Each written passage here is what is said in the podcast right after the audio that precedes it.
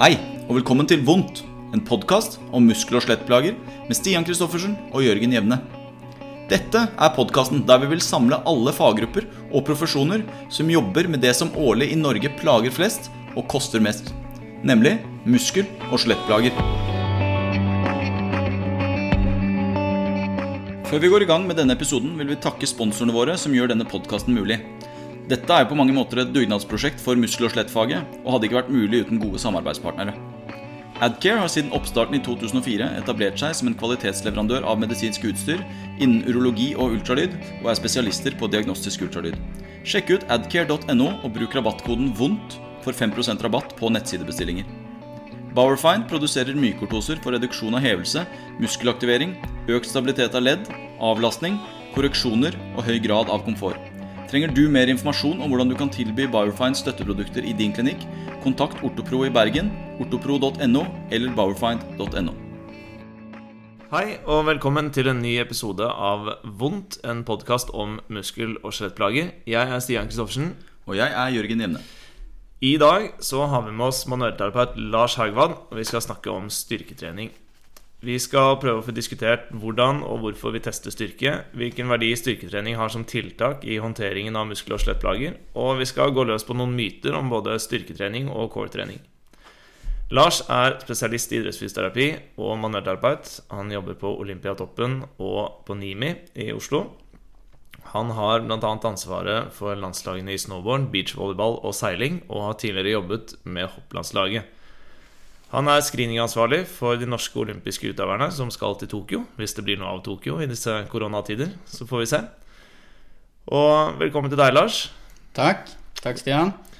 Så nå har jeg gitt deg en kort introduksjon, men du kan Ja. jo få lov til å bare si litt hvem er du, sånn på privaten? På privaten så er jeg en eh, 36 år eh, gammel kall fra Groruddalen. eh, rett oppi høyre her. eh, med veldig eh, stor fascinasjon for fysisk aktivitet og trening.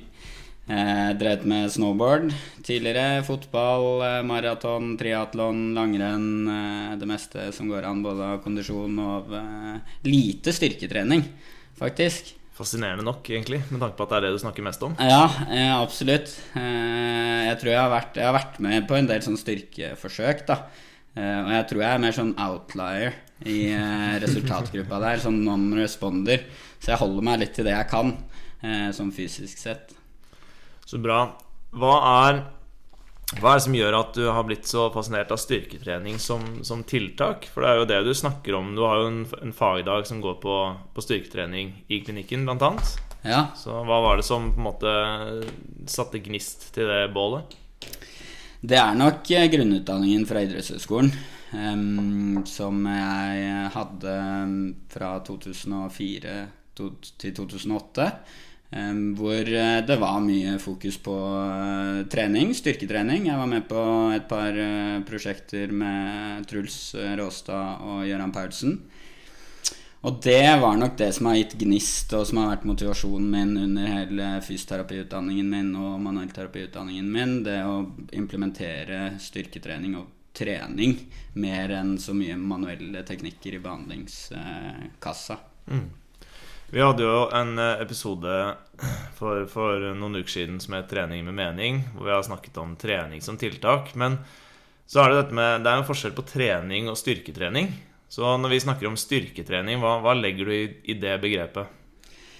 I begrepet styrketrening så legger jeg å, og, faktisk klare å bli sterkere. Og klare å få til noe enten mer effektivt eh, eller eh, stødigere. Så eh, jeg hørte jo på den podkast-episoden deres, 'Trening med mening', så, og den syns jeg var fabelaktig. Dere tok for dere veldig mange gode momenter innenfor trening. Det være seg trening med smerte og compliance og self-efficacy, og hva slags type trening. Um, og det tenker jeg litt sånn uh, trening med mening-fokus blir vel uh, denne episoden også. Jeg håper jo i hvert fall det. Um, Jeg tenker jo at styrketrening også skiller seg fra, fra vanlig, vanlig trening, da. Kanskje særlig med, med dosen. Og jeg syns det er et betimelig spørsmål å stille om på en måte, er vi altså Når vi sier at vi trener styrke med pasienter, om vi, om vi faktisk trener styrke, da. Og um, da kommer man jo litt inn på det spørsmålet Er det her noe vi kan nok om som terapeuter. Altså Hvis vi tenker dosering i styrketrening, er det noe som burde inn på en type grunnutdanning på samme måte som det er på NIH? Ja, i aller høyeste grad. Jeg eh, tillater meg å være såpass eh, fri i talen her at jeg, eh, jeg syns ikke fysioterapeuter er gode nok når det kommer til styrketrening. Jeg føler vi pirker altfor mye. Vi har veldig mye lavdosert trening. Det viser seg også i studier på folkehelsenivå at Populasjonen trener ikke hardt nok, og det skal mye til for å klare å følge de nasjonale retningslinjene for fysisk aktivitet. Eh, flesteparten klarer ikke å komme opp på en, en intensitet som bl.a. får bukt med overvekt, eh, og å øke fysisk kapasitet. Ja, for Anbefalingene fra Folkehelseinstituttet er jo at vi trener styrke to ganger i uka. Sånn i et folkehelseperspektiv. Og som du sier, sånn særlig dette med, med intensitet og hvor hardt vi trener, der tror jeg vi har, har, underdosert pasienter i mange, mange år allerede. Og da er det jo interessant å snakke litt om hva, hva er egentlig intensitet? Altså Når vi snakker om styrketrening, så, så er det sånn på papiret så ja, du skal over 85% av NRM. Og så kan man stille seg spørsmål hvor mange er det som tester NRM med pasientene sine? Ja, godt spørsmål. Eh, og den eh, RM-treningen som har vært veldig tradisjonell eh, innenfor styrketrening, den er man innen ulike fagfelt kanskje gått litt mer litt bort ifra. I hvert fall i det praktiske. fordi å teste én RM, det er det ikke mange som gjør. Og eh, for pasienter eh, som vi har med å gjøre, så er det kanskje skummelt å skulle presse seg til én eh, repetisjon maksimum. Hva kommer å få enten vekt på skuldrene eller vekt på beina eller vekt på ryggen for å dytte eller dra eller løfte. Så det, det, vi har snakket om tidligere rundt intensitet, at det skal være mellom 70 til 85% av én RM, også kanskje over 70% av maksimal volontær kontraksjon for å få en styrkeeffekt, det kan vi måle på litt andre måter også. Hvilke da? Vi kan bruke hastighet, eh, bl.a. Eh, vi kan bruke watt-verktøy eh, for å se hvor mye fall i hastighet man får gjennom en serie. Og så kan man bruke det til å designe en økt hvor man kan legge belastningen.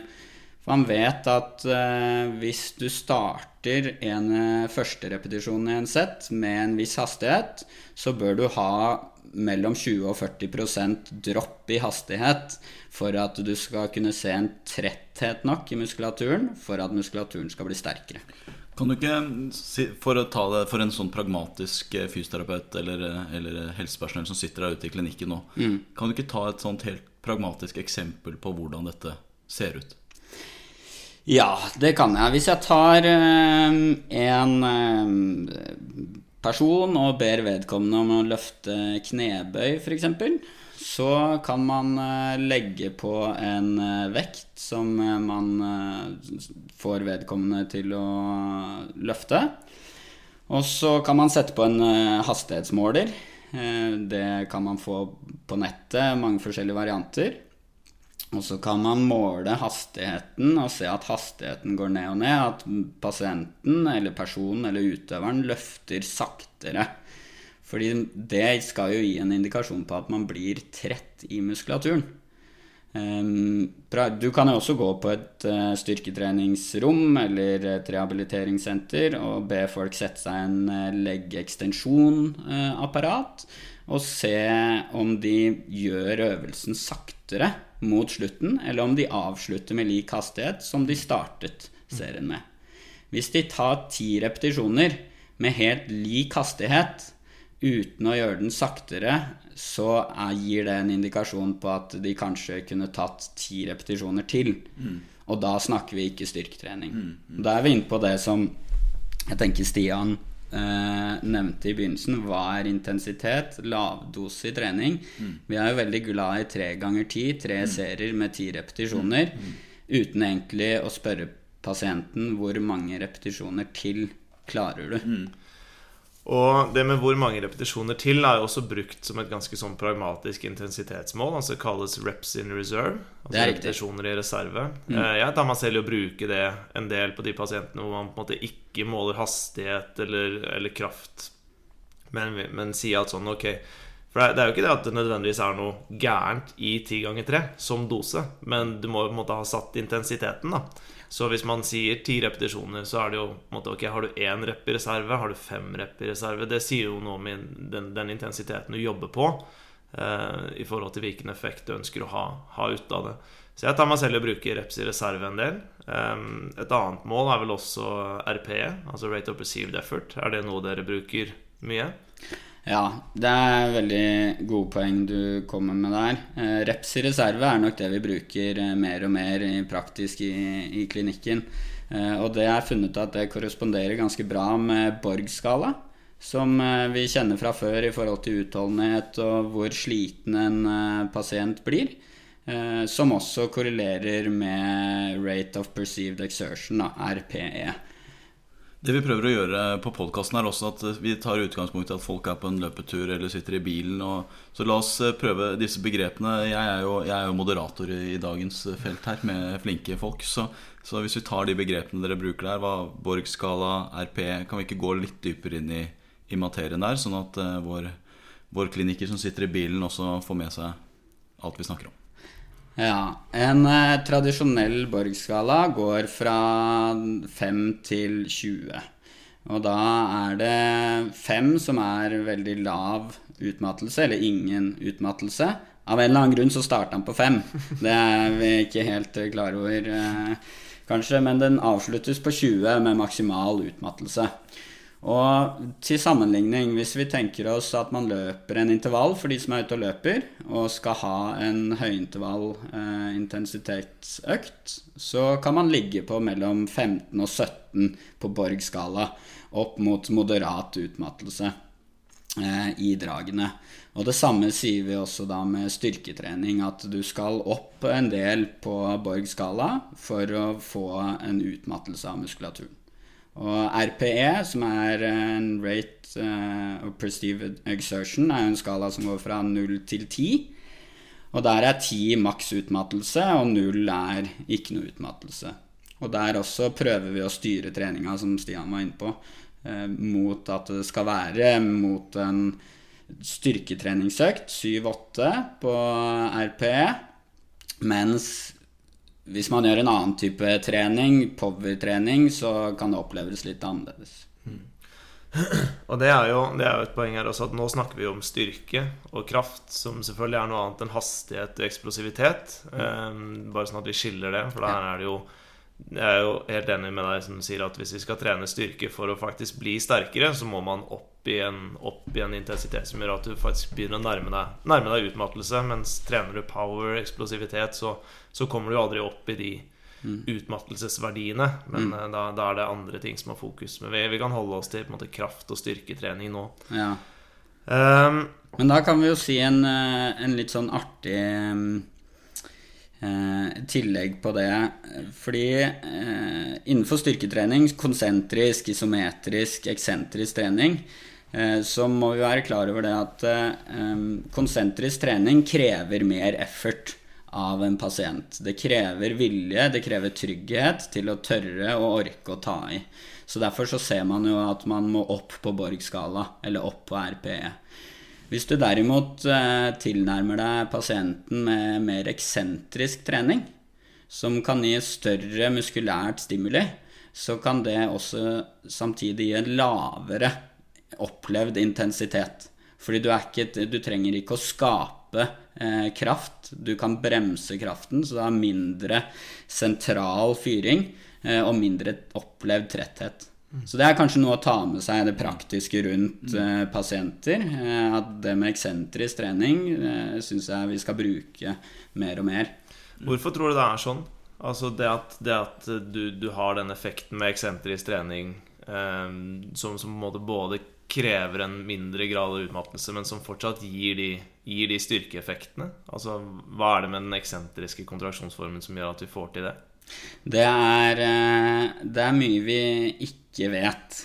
Eh, det er, det er klart når det kommer til eksentrisk trening. Men bremse Når muskelfiberen skal bremse, så krever det mindre eh, energi i en forlenging. Så muskelfibrene slipper opp litt og litt og litt, eh, istedenfor å måtte skape kraft.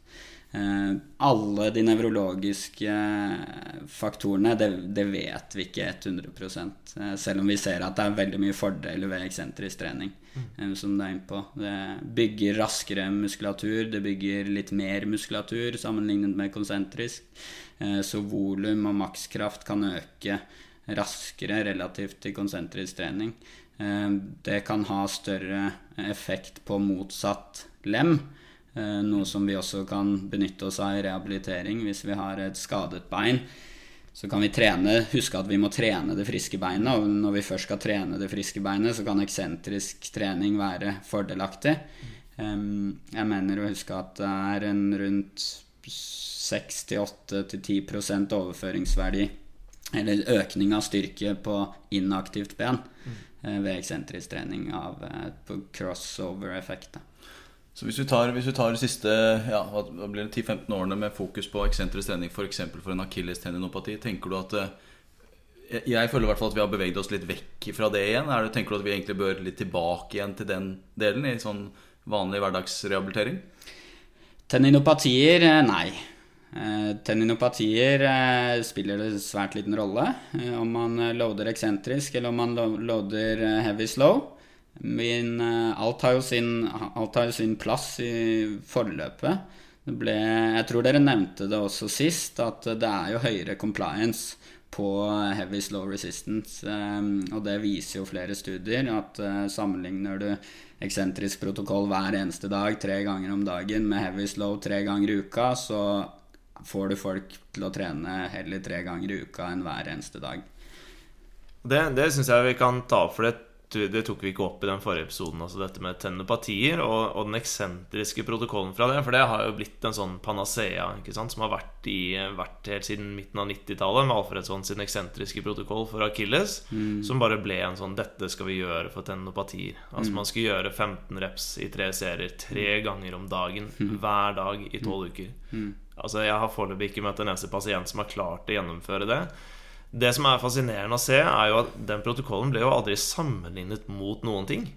Det var jo på en måte bare at man tok en aktiv tilnærming på, på scener, på tenopatier, og begynte å trene de, og så fikk man gode resultater av det. Og så har på en måte eksentrisk trening fått lov til å sette seg som liksom go to-valget. Selv om vi er kanskje er på vei bort derfra som klinikere, så er det veldig mange pasienter som da kommer og sier ja, jeg har prøvd eksentrisk trening. Og det var jo ikke før Kongsgårds studie på HSR nærmest på midten av 2000-tallet at man faktisk sammenlignet eksentrisk trening med isotontrening, eller at du jobber både konsentrisk og eksentrisk. Så der, og som du sier, der ser det ut til å være veldig liten forskjell på, på de ulike loading-protokollene sånn i ren effekt på en scene. At alle de ulike kontraksjonsmåtene har sine formål. Så det kan vi godt snakke litt om. Men i hvert fall at vi som klinikere skal tenke at det er ikke, det er ikke én treningsprotokoll som gjelder for tennopatier her.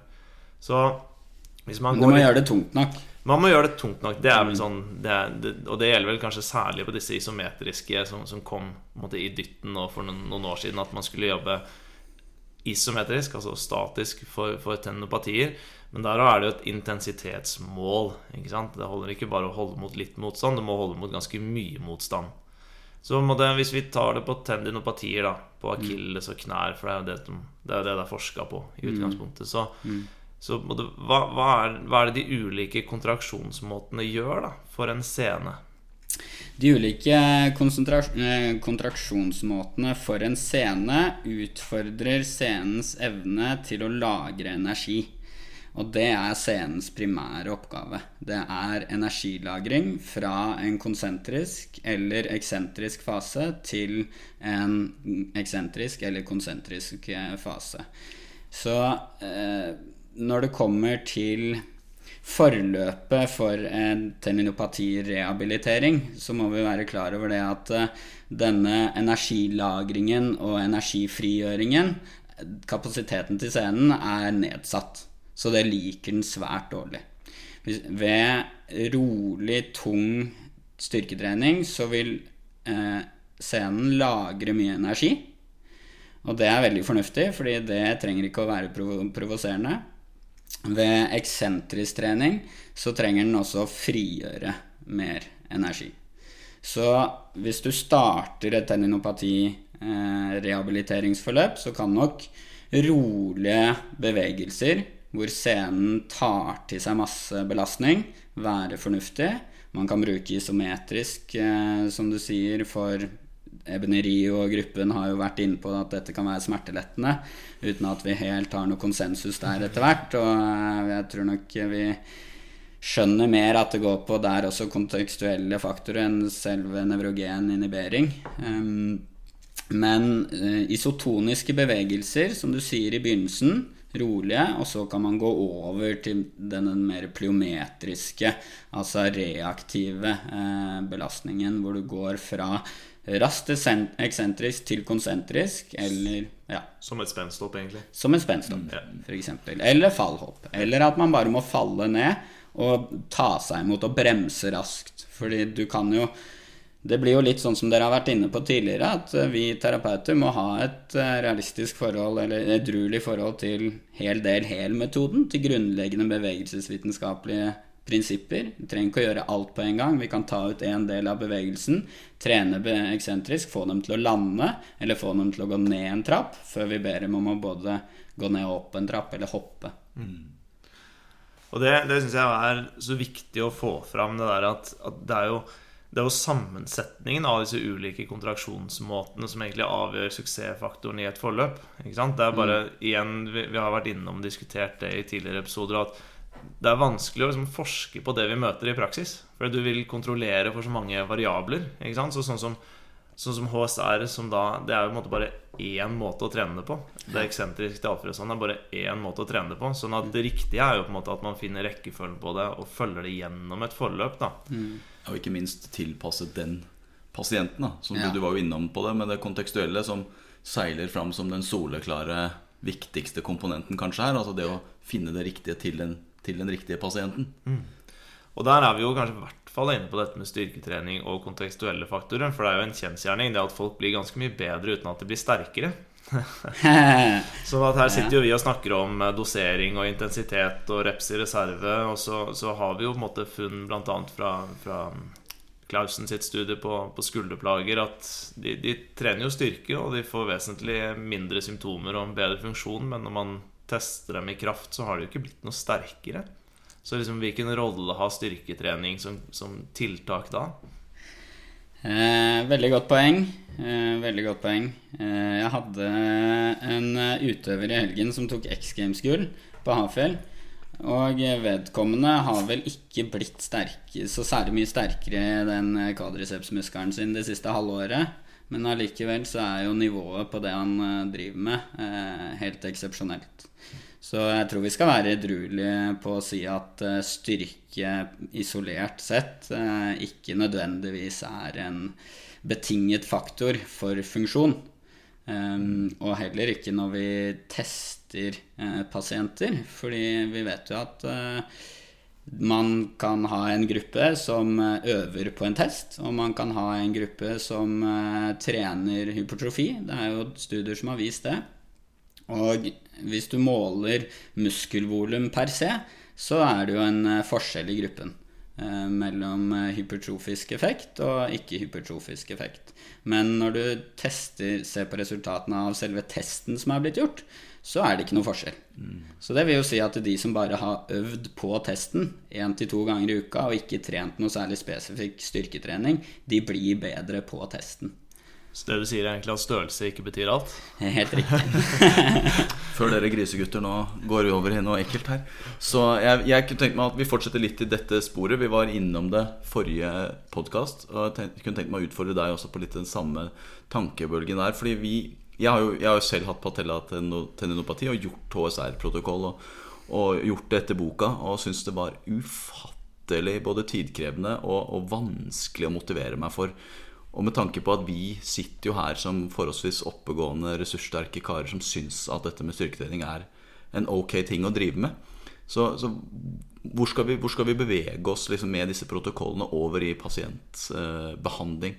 eh, i forhold til dette med compliance og i forhold til dette med å, å faktisk få dette til? Eller er det nå som vi snakker om kontekstuelle faktorer, kan vi tillate oss å bli litt mer pragmatiske?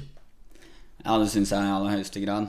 Um, og det er nok det jeg også prøver å selge inn snakker om styrketrening. At vi må ta med oss prinsippene, mm. uh, som dere var innom uh, tidligere også. Prinsippene om variasjon, prinsippene om spesifisitet.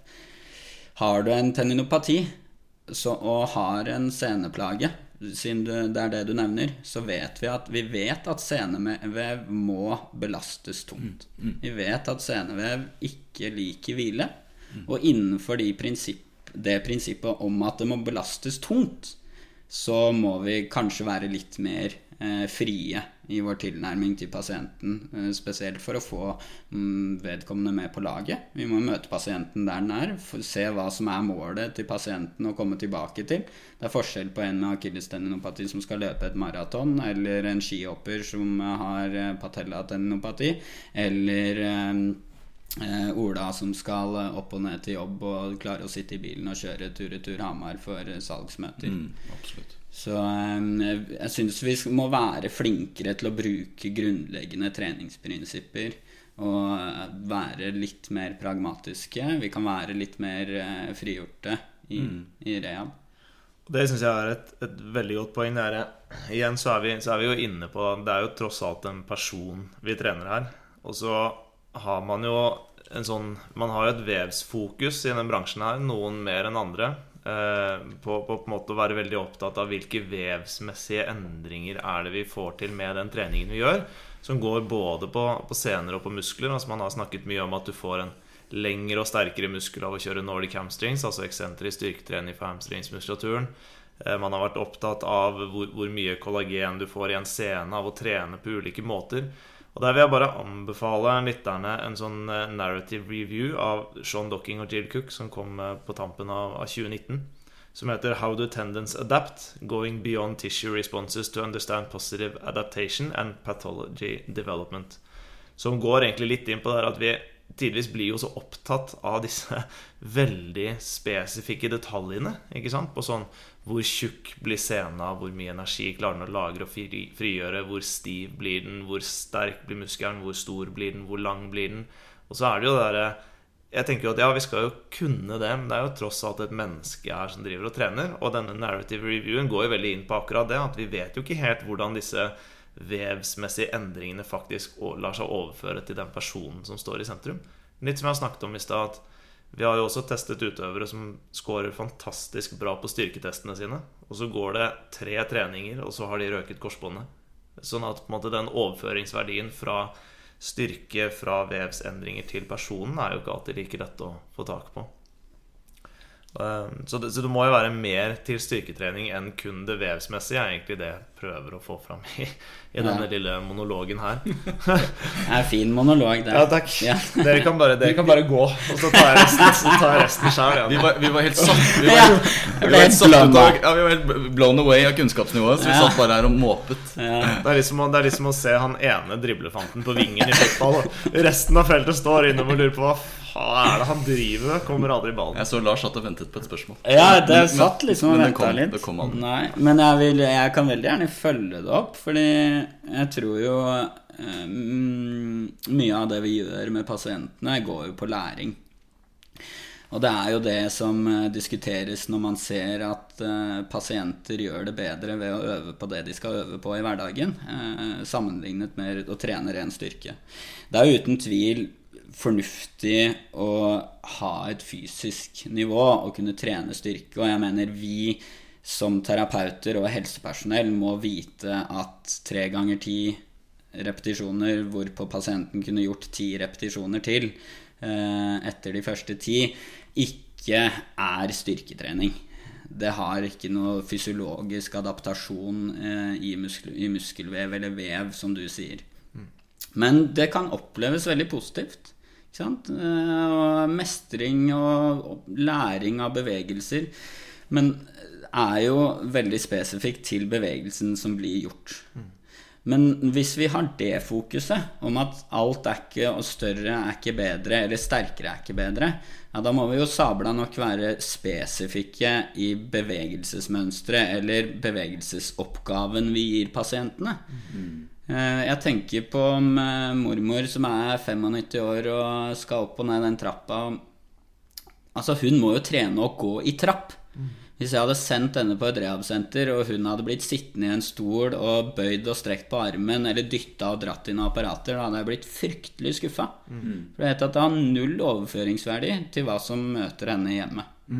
Eh, Så de nevrologiske eller og nevrogene adaptasjonene som, som vi mennesker har muligheten til å ta til oss gjennom bevegelsesmestring og bevegelsesoppgaver, de må vi også være bevisste på i vår rehabilitering. Jeg tenker nå Siden du tar opp dette med spesifisitet For dette er jo en ting som jeg og Stian har prata ganske mye om. Eh, Vi snakket om det senest i går på Høgskolen i Oslo. Dette med spesifisitetsparadokset, som vi har valgt å kalle det. Dette med at Vi har jo en eller annen slags konsensus nå i fagfeltet på at ca. 90% av korsryggspasientene får en uspesifikk diagnose. Altså de har uspesifikke skuldersmerter. Ikke sant? Korsryggsmerter. Eh, unnskyld. Mens nå sitter vi her og, og, og prater om eh, spesifikke tilstander i knær, i ankler, i skuldre. Eh, Vi har liksom mindre, vi har mindre forskningsmengde, og så hevder vi høyere spesifisitetsdiagnose. da. Det syns vi er et lite paradoks. Hvis vi, hvis vi tenker mer sånn generelt nå med det vi kan fra, fra rygg, tenker du at vi skal ta, ta overføre det litt og, og tilnærme oss disse Siden du også, Stian, snakker om å og, og kanskje bevege oss litt vekk fra vevsdiagnosen. Ta, mer, ta mer av den grunnviten vi har nå fra, fra korsrygg, og overføre på de andre leddene. Og tenke at det er kanskje ikke så nøye med akkurat vevet, men hvordan vi tilnærmer oss pasienten eller personen. Ja, det tror jeg nok studier eh, viser på. Det er jo atferdsterapi vi, vi, vi driver med når vi driver med ryggpasienter. Um, jeg, jeg, jeg snakket om det på, på lørdag. Jeg holdt eh, et foredrag. Og eh, jeg sammenlignet det litt med hvordan dere kanskje rehabiliterer skuldre. For det husker jeg var på kurset deres, og veldig glad når Stian sa Ok, gi oss en øvelse for en pasient som har vondt i skulderen. Og så begynte du med skulderhev. Eller omvendt, en litt variasjon av omvendt flies eller eh, skulderhev. Og det tenker jeg er så viktig at folk skal forstå. Når du driver med skulderrehab, så er det jo ikke sånn at dere står overfor pasienten og sier nå må du kjenne at du aktiverer infraspinatus. Kjenn nå at du får tak i teres minor i den øvelsen her. Ikke, ikke subskapularis. Ikke subskapularis, men få tak i de andre. Du står jo ikke sånn og pirker. Så hvorfor i all verden skal vi stå overfor en ryggpasient med uspesifikke eh, plager? Um, ingen spesifikk diagnose som tilsier at bevegelse skal være farlig. Å stå og predike- preke om at du må få tak i multifidene dine. Kjenn at du får tak i transversus. Kjenn at du bruker de dype musklene. Det henger jo ikke på greip noen steder. Når du driver hamstring rehab, så ber du jo ikke pasienten om å skille mellom eh, semitendinosus eller semimembranosus når de gjør en eh, knefleksjon. Altså det, det er blitt en sånn derre voldsom spesifikt fokus på ryggpasienter. Eh, på de vevstrukturene som noen tverrsnittstudier har påvist atrofierer eller er svake eller har nedsatt motorisk fyring. Helt tilbake til Hodges, til det som på 90-tallet, til det som noen ser i dag med multifider fettinfiltrasjon og atrofi. Vi må være litt mer se et større bilde på det. Ok, tren ryggekstensjon, da. Ryggekstensjon er fornuftig å trene. Det er helt klart, det. Eh, gjør rygghev, og gjør Det kan være en eh, spesifikk um, bevegelse og øvelse, det. Men tenker du en slags oppfølging til det? da? Tenker du at det er et lite problem det vi gjør nå med å designe helt spesifikke protokoller for en spesifikk tilstand i knær, f.eks.? Altså, hvis vi nå sier at vi skal være pragmatiske da med en rygg og Ja, den skal bevege seg, den skal trene. Trenger vi da helt spesifikke protokoller for akilles og for patella? Eller kan vi tilnærme oss det som en knesmerte eller en ankelsmerte? I forskning så trenger vi spesifikke protokoller for å, for å kunne gjøre effektstudier. I klinisk praktisk så funker ikke det. Nei. Ja, det var poenget mitt. Sant? At vi, Ja. Kan vi tillate oss å Men da hadde jeg flaks. Ja, jeg syns du var flink der. Eller at man bare er litt på linja. Det er jo for så vidt hyggelig å høre om. Jeg, jeg tenker jo at det, det er en forskjell i målstyring her også. At, at vi kan jo ha denne uspesifikke ryggsmerten eller den uspesifikke skuldersmerten hvor vi tenker at sånn Ja, men vi, vi løfter armen over hodet. Eh, eller vi, vi løfter opp noe fra bakken. Og så er det jo det derre Man kan jo gå inn og si at ja, det er røring er smøring. Altså bare Vi får alle de effektene bevegelse gir, og så tenker vi ikke så mye på styrken. Og da trenger vi jo heller ikke å kalle det styrketrening, og da trenger vi i hvert fall ikke en sånn spesifikk protokoll og ha testa det. Men med en gang vi sier at vi har, et, vi har et mål her om at du skal bli sterkere, og vi tenker at du har en patellartendinopati, og vi, vi ønsker faktisk å prøve å få kanskje en tjukkere scene, hvis det går an, gjennom de protokollene som er satt. Hvis vi har det målet, da må vi begynne å gjøre det mer spesifikt. Og det mener jeg er et poeng, at det er helt lov for oss som klinikere å si at veldig mye av det vi ser, er uspesifikt. Vi vil ha røring, bevegelse, få dem i gang. Mye kontekstuelt i det å tørre å bevege seg. Men det øyeblikket vi sier at ok, men vi skal faktisk trene styrke her, vi skal gjøre noe, da må vi måtte gjøre det mer spesifikt. Og det skal vi få lov til å tillate oss uten at det blir, blir feil. da Eh, For det nå blir det nærmest litt sånn bastardisert at vi er så spesifikke. Og det er veldig mye yrkesidentitet knyttet til å klare å isolere teres minor i en eksternrotasjon, f.eks. For. Fordi det, det, det kan jeg. Men, men Jeg tror det er veldig viktig. Det handler om målet. Og det handler om at Og der mener jeg at vi skal vite hva som kreves for å stimulere ulikt vev. Eh, Vi vet at muskulatur kan man stimulere mekanisk og oksidativt for å få vekst og kraft. Og vi vet at sener og leddbånd og bein de trenger høy kraft, og de trenger tung styrke. Beinvev trenger mye støt. Ligamenter og leddbånd trenger retningsforandringer. De har en helt annen kollagenoppbygning enn en sene. Så der må vi kunne være litt mer spesifikt. Og når vi ser hvor mye atrofi det er av muskelvev, og tap av kraft um, dersom en pasient er inaktiv, og det blir man jo etter en skade, eller bare å ha det vondt, eh, eller ved alderdom, eller ved en operasjon, så må vi kunne være spesifikke i rehabiliteringsforløpet og tenke at ok, hvis det er styrketrening her, så må vi gjøre det riktig. Jeg tipper vi alle tre her sitter og er ganske enige at det er jo en forskjell fra akademia, diskusjon omkring medisinske diagnoser og uspesifisitet, kontra det å stå med den eks-pasienten foran deg, Olga på 67, som, som har altså For henne så er det jo et spesifikt problem. Hun har jo en spesifikk problemstilling som Altså en, en eller annen smertetilstand eller hva det nå enn er som gjør at hun ikke klarer å utføre en spesifikk oppgave. Da tenker jeg vi er ganske enige om at vi må designe et spesifikt forløp for denne pasienten. Noe annet ville vel vært merkelig. Ja, det, det er jeg helt enig i. Det, det er på en måte der jeg, som, som du òg mener, Lars, mener at vi, vi, vi har på en måte ikke nok av den grunnleggende treningslæra i, i grunnutdanningen. Eh, vi hadde det ikke da vi gikk på skolen. Jeg tror ikke de har det nå heller. Eh, til å, å si at vi gjør det resonnementet godt nok. Til å si at sånn, ok, men dette rehabiliteringsforløpet krever faktisk at vi tester kraft regelmessig. At vi måler bevegelseshastighet. At vi trener for å nå de spesifikke målene. Så der tenker jeg at der skal vi bli flinke. Der òg. Samtidig som vi skal bli flinke på å håndtere disse mer uspesifikke diagnosene. Men det er en, en sånn litt sær gren innenfor styrketrening, siden vi snakket om atrofi, som egentlig illustrerer det her ganske godt da, på dette med at vi ønsker en spesifikk vevsadaptasjon, og hvordan får vi til det. Og det kalles okklusjonstrening. Og det tenkte jeg vi må snakke litt om det. Fordi det, er, det tror jeg er et undervurdert verktøy i veldig mange, i veldig mange kliniske settinger. Så hva er, hva er okklusjonstrening? Ja, for å snakke om det, dere burde invitert Thomas Bjørnsen, da, for å, det er han som har gjort eh, siste, de siste studiene på det.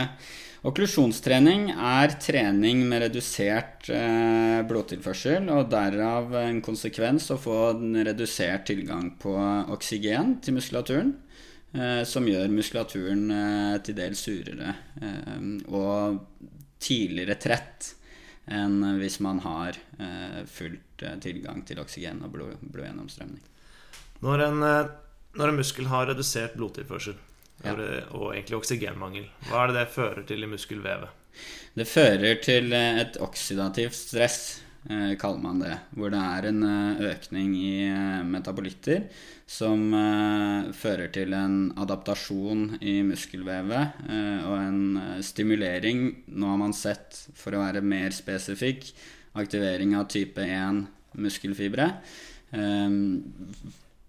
Som kan føre til eh, økt eh, muskelvolum uten mer ytre belastning. Og det Unnskyld. Akkurat det er jo et veldig godt poeng. Det med ytre belastning og muskelvolum. Fordi vi snakket i stad om atrofi etter bare det å ha det vondt eller etter en skade. Altså ta etter en, en skulderluksasjon, f.eks., som er vondt. Det er jo ikke det at det nødvendigvis er så farlig å belaste den, men det er jævla vondt å belaste den. Eller du har opererte pasienter som har belastningsrestriksjoner. Altså du, du får ikke lov til å belaste dette mer enn så og så mye over de neste tre månedene med massivt muskeltap da, eller atrofi. Mens da okklusjonstrening som kan gjøre at du, du trenger nesten ikke å belaste den mekanisk, altså med noe særlig ytre påvirkning, men kun å gi den dette oksidative stresset som gjør at du får opp muskelvolumet, altså hypertrofien. Og da kan man jo si at greit, størrelse betyr ikke alt, men størrelsen, altså tverrsnittet på muskelen, betyr jo en del i forhold til hvor mye kraft det er mulig å utvikle på sikt.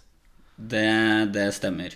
Og det er gode studier, eh, mange gode studier fra NIH som viser det. Og vi gjorde jo de studiene selv når vi studerte der og så på eh, kraft og muskeltverrsnitt. Så det er en eh, ganske god korrelasjon der.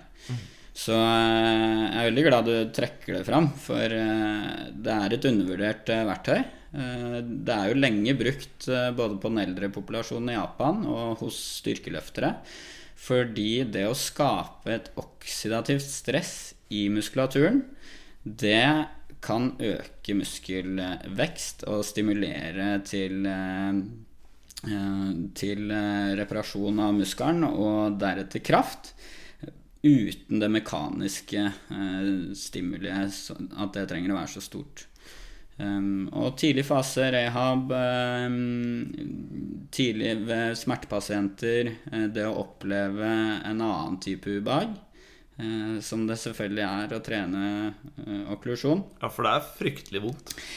Det er fryktelig vondt, og det er derfor det krever at vi vet hva vi driver med overfor pasienten. For det krever trygghet. Jeg tror du har snakket om det tidligere. Hvis du skulle gitt en eh, et- én ting til pasienten, så er det trygghet. Eh, Så vi må være til stede. Det er klart vi har utøvere som trener med okklusjon på egen hånd fordi de vet hva det går i.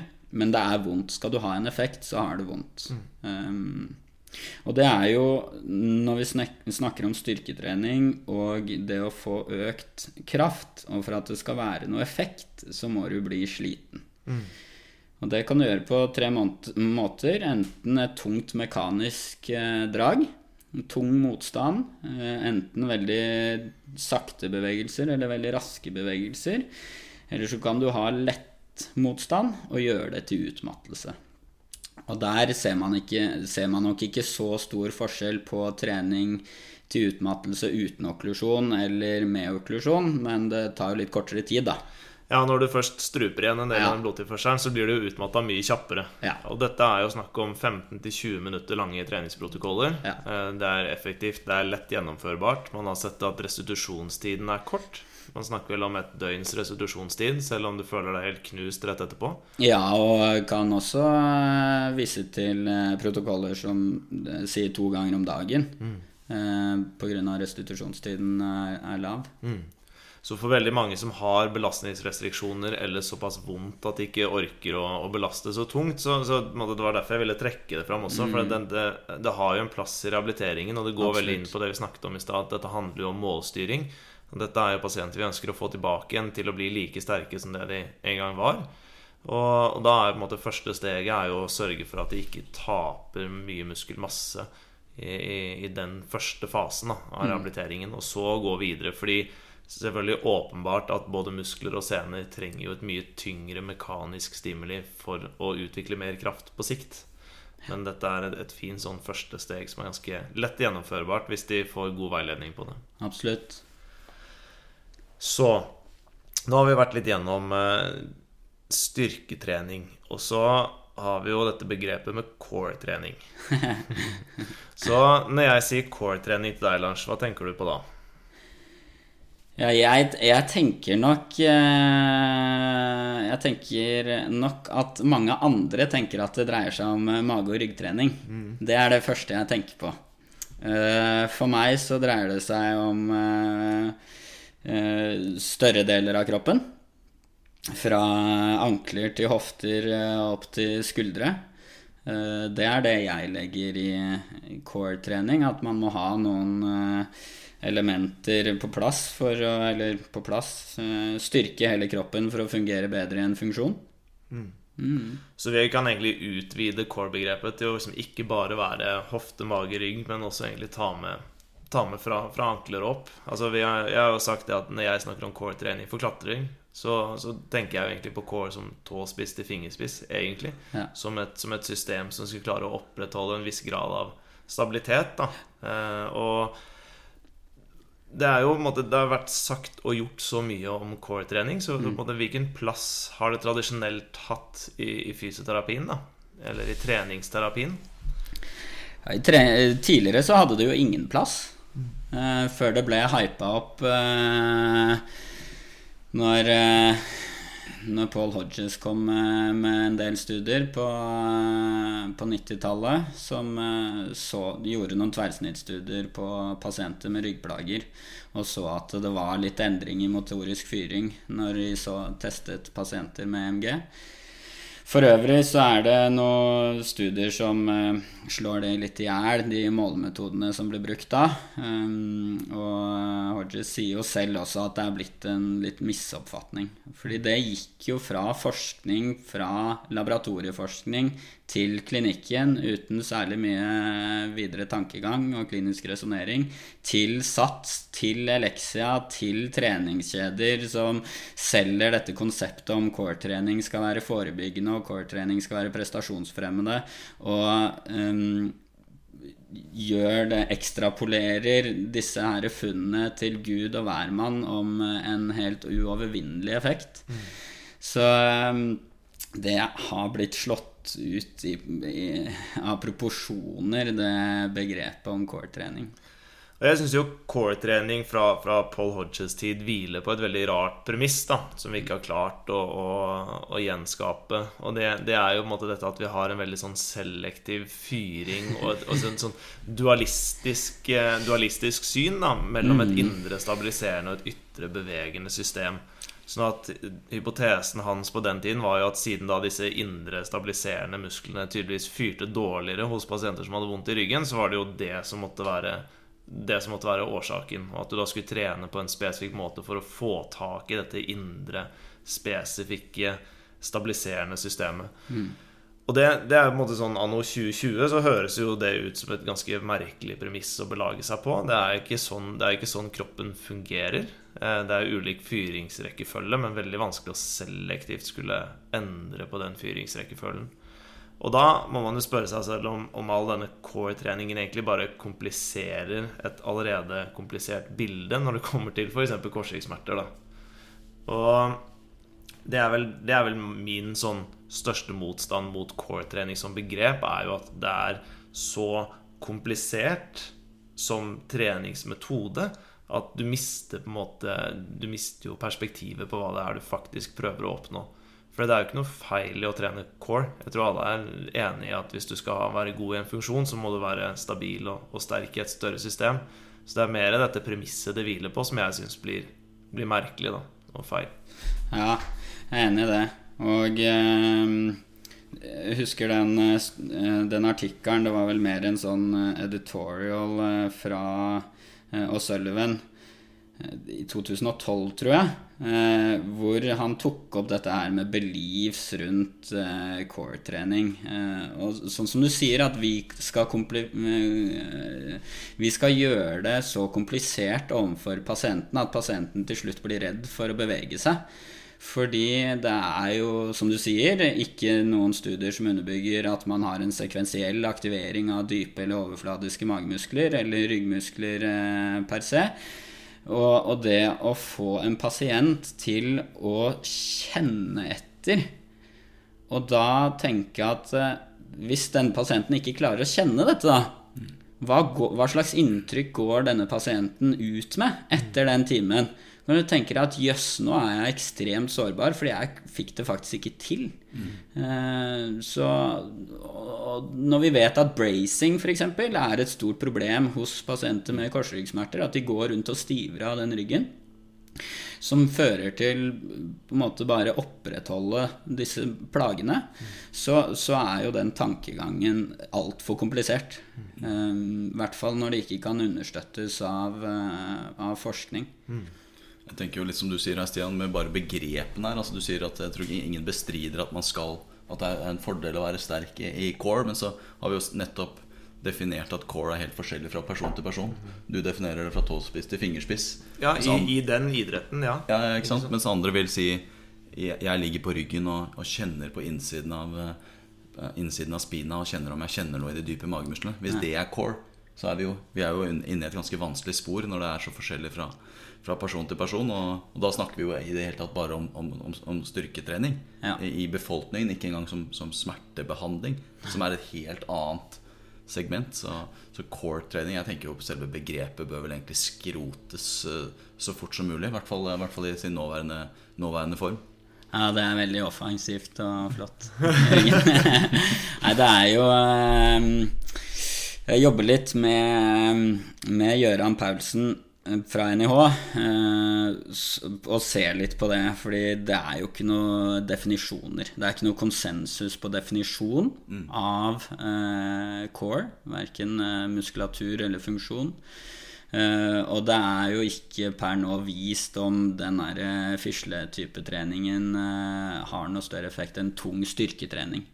Så jeg tror Gøran er veldig Han er ekstremt intelligent og veldig på det at vi må få vekk det her pirkegreiene. Fordi det er ingen som har sammenlignet det med vanlig eh, funksjonell eller tung styrketrening.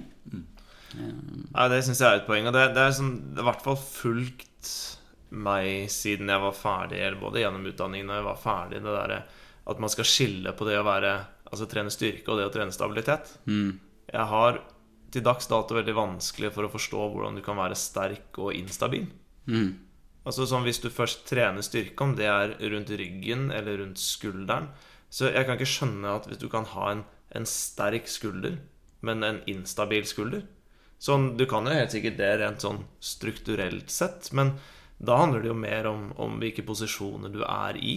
At det er jo ulike momentarmer og ulike biomekaniske krav som stilles til både en rygg og en skulder, og at det handler om å være så sterk som mulig gjennom hele det bevegelsesutslaget. Men at du skal på en måte inn og trene lavdosert for å adressere en spesifikk fibertype i muskelen før du trener styrke. Jeg kan ikke forstå at vi har evolvert oss som art til at det er der vi står i 2020. Altså Dette er jo et relativt nytt begrep sånn evolusjonsmessig. Så jeg, jeg klarer på en måte ikke helt å forstå at det skal være så spesifikt som det er lagt fram til. da Dette skillet mellom stabilitet og styrke. Nei, det er veldig, det er veldig godt poeng. Nå det, det viser seg jo det i studier på motorisk trening og motorisk kontroll. eh, Det som ofte brukes som argument for, eh, ved stabilitetstrening. Eh, Må stabi være stabile for å gjøre en motorisk bevegelse bedre. Så må vi ha proksimal stabilitet etc. Og når vi går da over på det med motorisk trening og funksjon og læring av bevegelser, så vet vi at det, der, at det må være spesifikt i oppgaven. Eh, og vi må få eh, All mulig trening bør være Når vi driver med motorisk trening og sånn flisespikkeri, så bør, bør det jo være relatert til oppgaven som skal gjøres. Ikke å ligge på ryggen eller stå i en planke eller ligge og drive med bekkentilt. Det har det har svært lite overføringsverdi til det å skulle bære en tung sekk opp et fjell eh, og tenke at man skal bli bedre i styrke i ryggen der. Så tenker jeg, Siden du tar det opp, Stian, dette med, med instabilitet da, Det er jo et interessant altså, Hvis du tenker bare anatomi, da, så, jo, så jo, har jo i hvert fall skulderen et potensial for å bli instabil. Og den er jo, det er jo et traume involvert. Når vi på en måte tar den hviten over på rygg, som har en helt annen anatomisk oppbygning, og som ikke har vært utsatt for et traume, så er det jo fullstendig galskap å kalle den Altså bruke det samme begrepet. Og så si at du skal gjøre styrketrening for å gjøre den stabil. Så det begrepet er jo skrinlagt for lengst, men det, det, er, jo, det er jo interessant at vi, vi fortsatt snakker om instabilitet i skuldrene som at det er noe av det samme som i rygg. Og det er, det, det er også et godt poeng. Og jeg, jeg tenker jo mye på, på ringvirkningene av beskjeden folk får. da At sånn, nei, jeg skal jeg må, jeg må trene bekkentilten min i tre måneder til for å liksom få det på plass før, vi kan, før vi kan begynne å gjøre andre ting. Altså Hvis du virkelig vil få noen til å knyte et bevegelsesmønster, så tror jeg du gjør en god jobb der, i hvert fall. Og skremmer jo livskiten av folk. For det er klart at du danner noen, noen indre bilder der på at dette, dette er mye farligere enn det det faktisk er. Så altså, der er jeg også litt for at kanskje altså core-begrepet, det å trene kjerne, kan jo måtte, I hvert fall hvis vi får definert det tydeligere, kan jo godt leve for min del. Det blir jo bare trening av, av et system eller av en muskelgruppe. Men det er jo på en måte hva slags trening som faktisk skal til. da Hvis målet er at du skal bli sterkere, så, så må man jo trene det tungt. Ja, riktig. Og så er det sånn Hvordan skal du teste kraftig i core? Altså Vi sliter jo nok med å reliabelt klare å teste kraftig skulder og kne. Og så skal du teste et system bestående av alt mellom 40 og 230 muskler. Ja, godt poeng. Herregud, hvor så store, store feilmarginer det er ved test av bare quadriceps og hamstrings i en låst bevegelsesbane. Det tror jeg, jeg tror det ligger på alt fra sånn 8 til 10% feilmargin i en Humac eller isokinetisk eh, leg extension leg curl. Opp til 10% feilmargin i en låst stol. Og så skal du be folk om å teste core i en funksjonell bevegelse eller Nei, det Og det tar jo egentlig tar oss jo liksom over fra core inn i et, et um, interessant spørsmål som vi har diskutert en del. Det er sånn, hvor, hvorfor tester vi kraft? Med de feilkildene som er. Det er jo de færreste som har, som har disse stolene å teste folk i. Og allerede der er feilmarginen stor. Så skal vi stå og teste med håndholdt dynamometer, f.eks. Mm. Eh, så, så på en måte, hvor, hvorfor tester vi, hvis vi Hvis vi tar en skulder, da. Fordi man har sett at i hvert fall hos kastutøvere så er redusert kraftig ekstern rotasjon i hvert fall fremsatt som en potensiell risikofaktor da, for å få vondt i skuldra. Og i en del rehabiliteringsøyemed så ønsker vi i hvert fall å få opp igjen den styrken. Men med de feilkildene som, som er, og usikkerheten rundt verdien av det kraftmålet, hvorfor bruker vi i det hele tatt tid på å teste kraft? Det er et godt poeng. Mestringsfølelse, kanskje, hos pasienten. Jeg tror det har veldig mye å si. Um, og hvordan du da tester kraft i en funksjon eller isolert, det tror jeg får være opp til hver kliniker, eh, med tanke på hva vedkommende er mest komfortabel med, og hvor ofte vedkommende gjør det. Um, reliabiliteten til en god gammeldags eh, Sergeant-test er jo bedre enn å hoppe på en kraftplattform. Eh, så det er jo um, Det er jo litt synd når vi bruker 30 40 50 000, eh, noen av oss, på testutstyr. Mm. eller en stol til eh, 400 000. Så kan man eh, bruke andre metoder. Men jeg tror, jeg tror mestring. Mestring og se progresjon i et rehabiliteringsforløp. Og det kommer alltid an på målet. Hvis målet ditt er å bli sterkere, så er det veldig greit å regelmessig hver sjette uke teste for å se at vi går i den retningen vi går. Og hvis vi ikke gjør det, så må vi jo revurdere og legge om trenings... eh, Legge om treningsplanen. Eh, andre øvelser, eh, annen type belastning. Prøve å få et litt annet doserespons. Det er jo ikke én ting som funker for alle. Å individualisere treningsopplegget, det, det er vi helt nødt til. Eh, fordi vi responderer ulikt på ulik eh, belastning. Og det får vi jo kontrollert da, når vi tester. Men litt sånn djevelens advokatspørsmål der, siden Stian var inne på det tidligere i episoden her også. Hva, hvis, vi, hvis vi nå ser at hvis, La oss si sånn pragmatisk vi iverksetter et rehabiliteringsforløp for en, en normal skulderpasient. Da. La oss si at dette er en 45-50 år gammel arbeidstaker på kontoret, og, og, og, og ting går bedre. De mestrer øvelsen, de mestrer hverdagen bedre. Mindre smerte i hvile, mindre smerte under funksjon.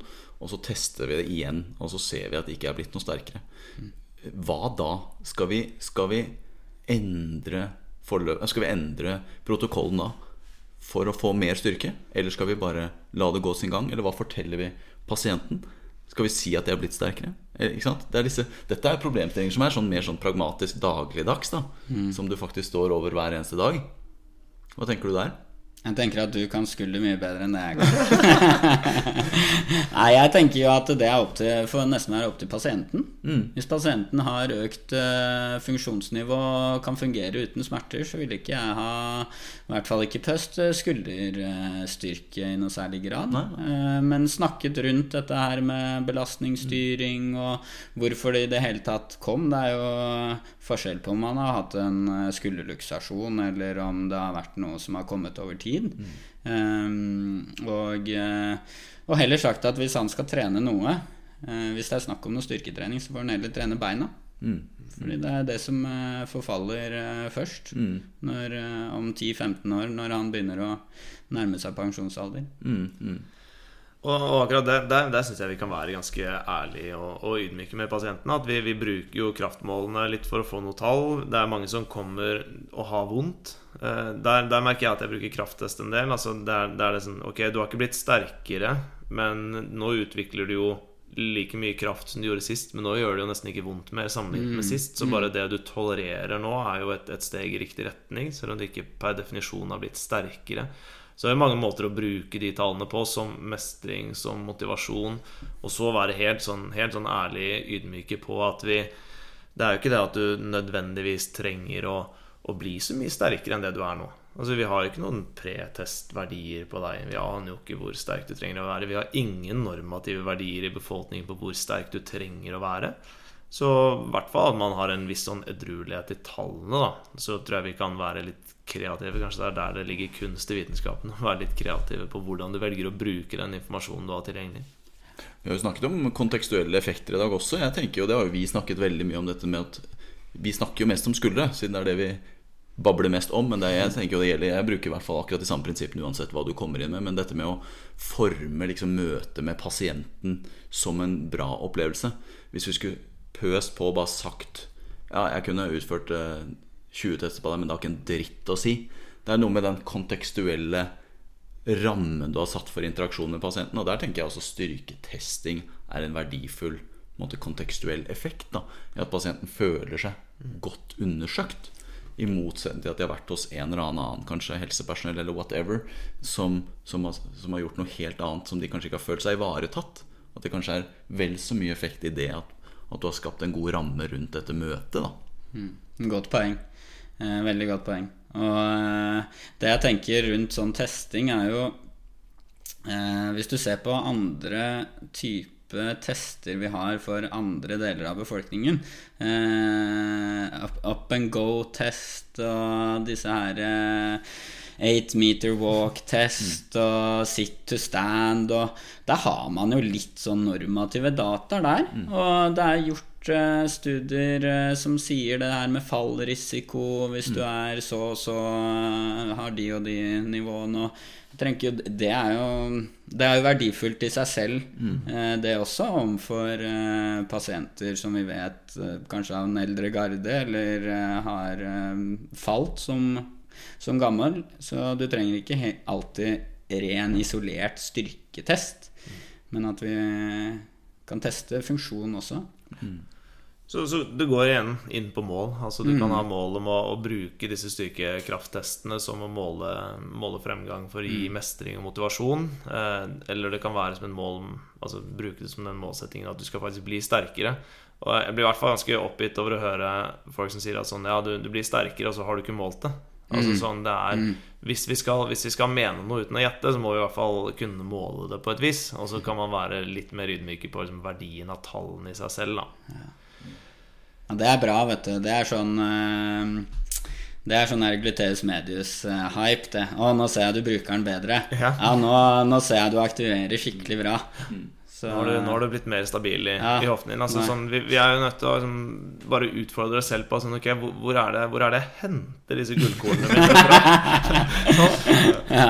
Jeg tror, jeg, tror, jeg tror, også at vi skal være veldig ydmyke. Dette snakker vi altså, opplever jeg nesten daglig i praksis ting Altså, du, du, du, opplever så rare ting pasienten har fått med seg av møtet, enten med deg eller med andre. Altså, jeg hadde jo en, en pasient her. Hun hadde vært én gang til kiropraktor for 40 år siden. 40 år! Én gang! Og det hun kom inn med meg, til meg og sa at det ene beinet er lengre enn det andre, men jeg husker ikke hvilket. det er det eneste hun husker fra en interaksjon for 40 år siden. Det tenker jeg vi skal være litt ydmyke for uh, i forhold til hva vi hva, Det kan hende vi mener lite med det, ikke sant? men det er som, det er som Gregory Lehman sier. ikke sant? Det er ingen pasienter som våkner opp en morgen og bare 'Å, søren, jeg, for, jeg glemte å putte på meg glutsen i dag'. Mm. Nei, jeg er helt enig. Og det ikke sant, sånn inn mot, inn mot løping og at du skal bli sterkere i, i gluteus, og at det har blitt satt fram som et sånn kronargument. Og så går man inn og så sånn Ja, hvor, hvor, mange er det som først og fremst tester hoftekraftig abduksjon i utgangspunktet? Og hvordan er det du kan si at ja, nå testet jeg bare gluteus medius? Hvor er det vi har hentet den kunnskapen fra?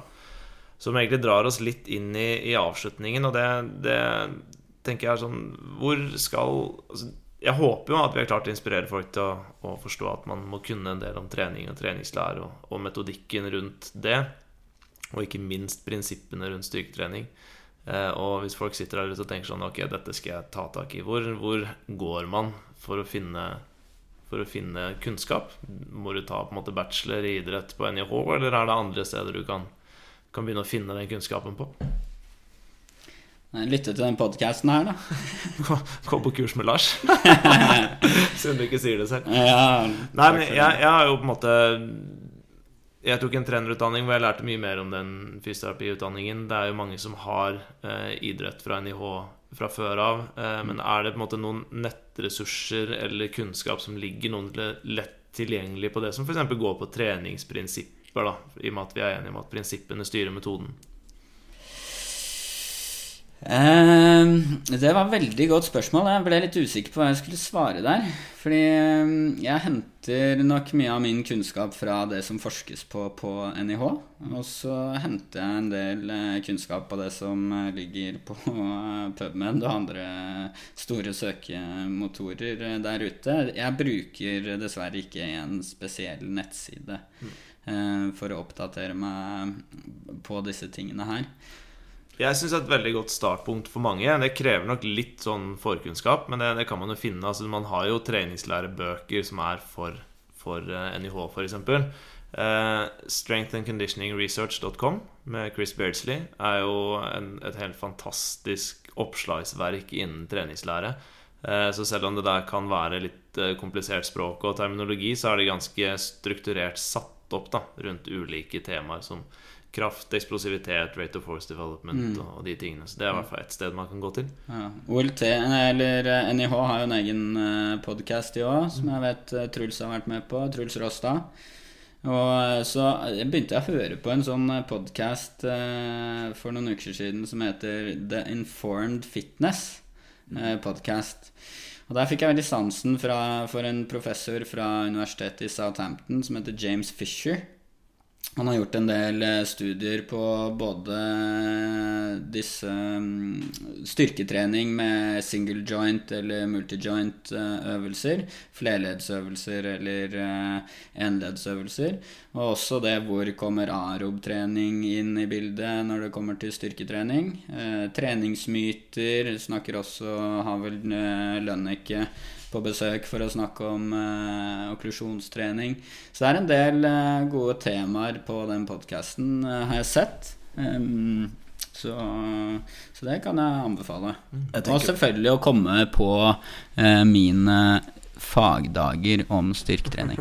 Nå lente jeg meg litt sånn fremover her. Det sa dere jeg ikke skulle gjøre. Mm, du, ser, du, ser, bare Jeg får nervøs sammenbrudd når jeg ser på lydbølgene på, på innlinja. Sprengte jo skalaen. Ja, men da fikk folk med seg det, og det tenkte jeg faktisk å avslutte med. For det tenker jeg vi skal være såpass lite ydmyke og, og anbefale om å altså For det er noe med det å ta en klinikers eh, pragmatiske holdning til den forskningen som foreligger òg. Det er jo noe vi har savnet i faget generelt sett. At en, en kliniker tar den tunge jobben med å saumfare forskning og så prøve å ta et fugleperspektiv og se hva er, skal, hva er det vi skal ta ut av dette. For det er jo klart at alle som, alle som leser litt forskning, veit at det, det, er en ubegripelig mengde der ute. Så det, hva er det vi, vi sier? Det publiseres 30 artikler om rotator hver dag. Så, så at, at, noen i hvert fall tar grovjobben med å lese mye av det og presentere det for klinikeren eh, på gulvet, holdt jeg på å si. Altså mannen i, mannen i gata som bare, bare, ønsker å gjøre seg beste for sine pasienter. Det tenker jeg vi skal, det tenkte jeg vi skal applaudere. Ja, det var derfor jeg gikk på fagdagen din. Da er det noen som tar all den lesejobben og, oppsummeringen og bare kan servere meg dette, dette, dette trenger jeg vite. Så, så det kan jeg, kan jeg, anbefale. Men jeg tror jo først og fremst at det, det krever jo på en måte en, en, en vilje i bånn fra en kliniker på at måte, hvis vi skal bruke trening som tiltak, bruke trening som medisin, slå oss på brystet og si at min medisin er fysisk aktivitet, så, så vi er på en måte nødt til å komme til det punktet hvor vi sier at sånn, vi, vi kan medisinen vår godt nok. da og det handler jo først og fremst om å lære seg disse prinsippene, sånn at du kan tilpasse metoden og individualisere treninga. Så det, det, jeg vil på det sterkeste oppfordre alle klinikere til å ta, ta, den jobben. Yes, men da tror jeg vi runder av intervjuet her med Lars Haugvad, og takker så mye for at du tok deg tiden til å informere oss. Har du noen avsluttende ord? Nei. Ta trappa, ta ikke trappa. heisen. Enig. Ta trappa. Enkle valg. Veldig bra. Takk for at du hørte på. Så er vi snart tilbake med nye episoder av Vondt. Takk for i dag.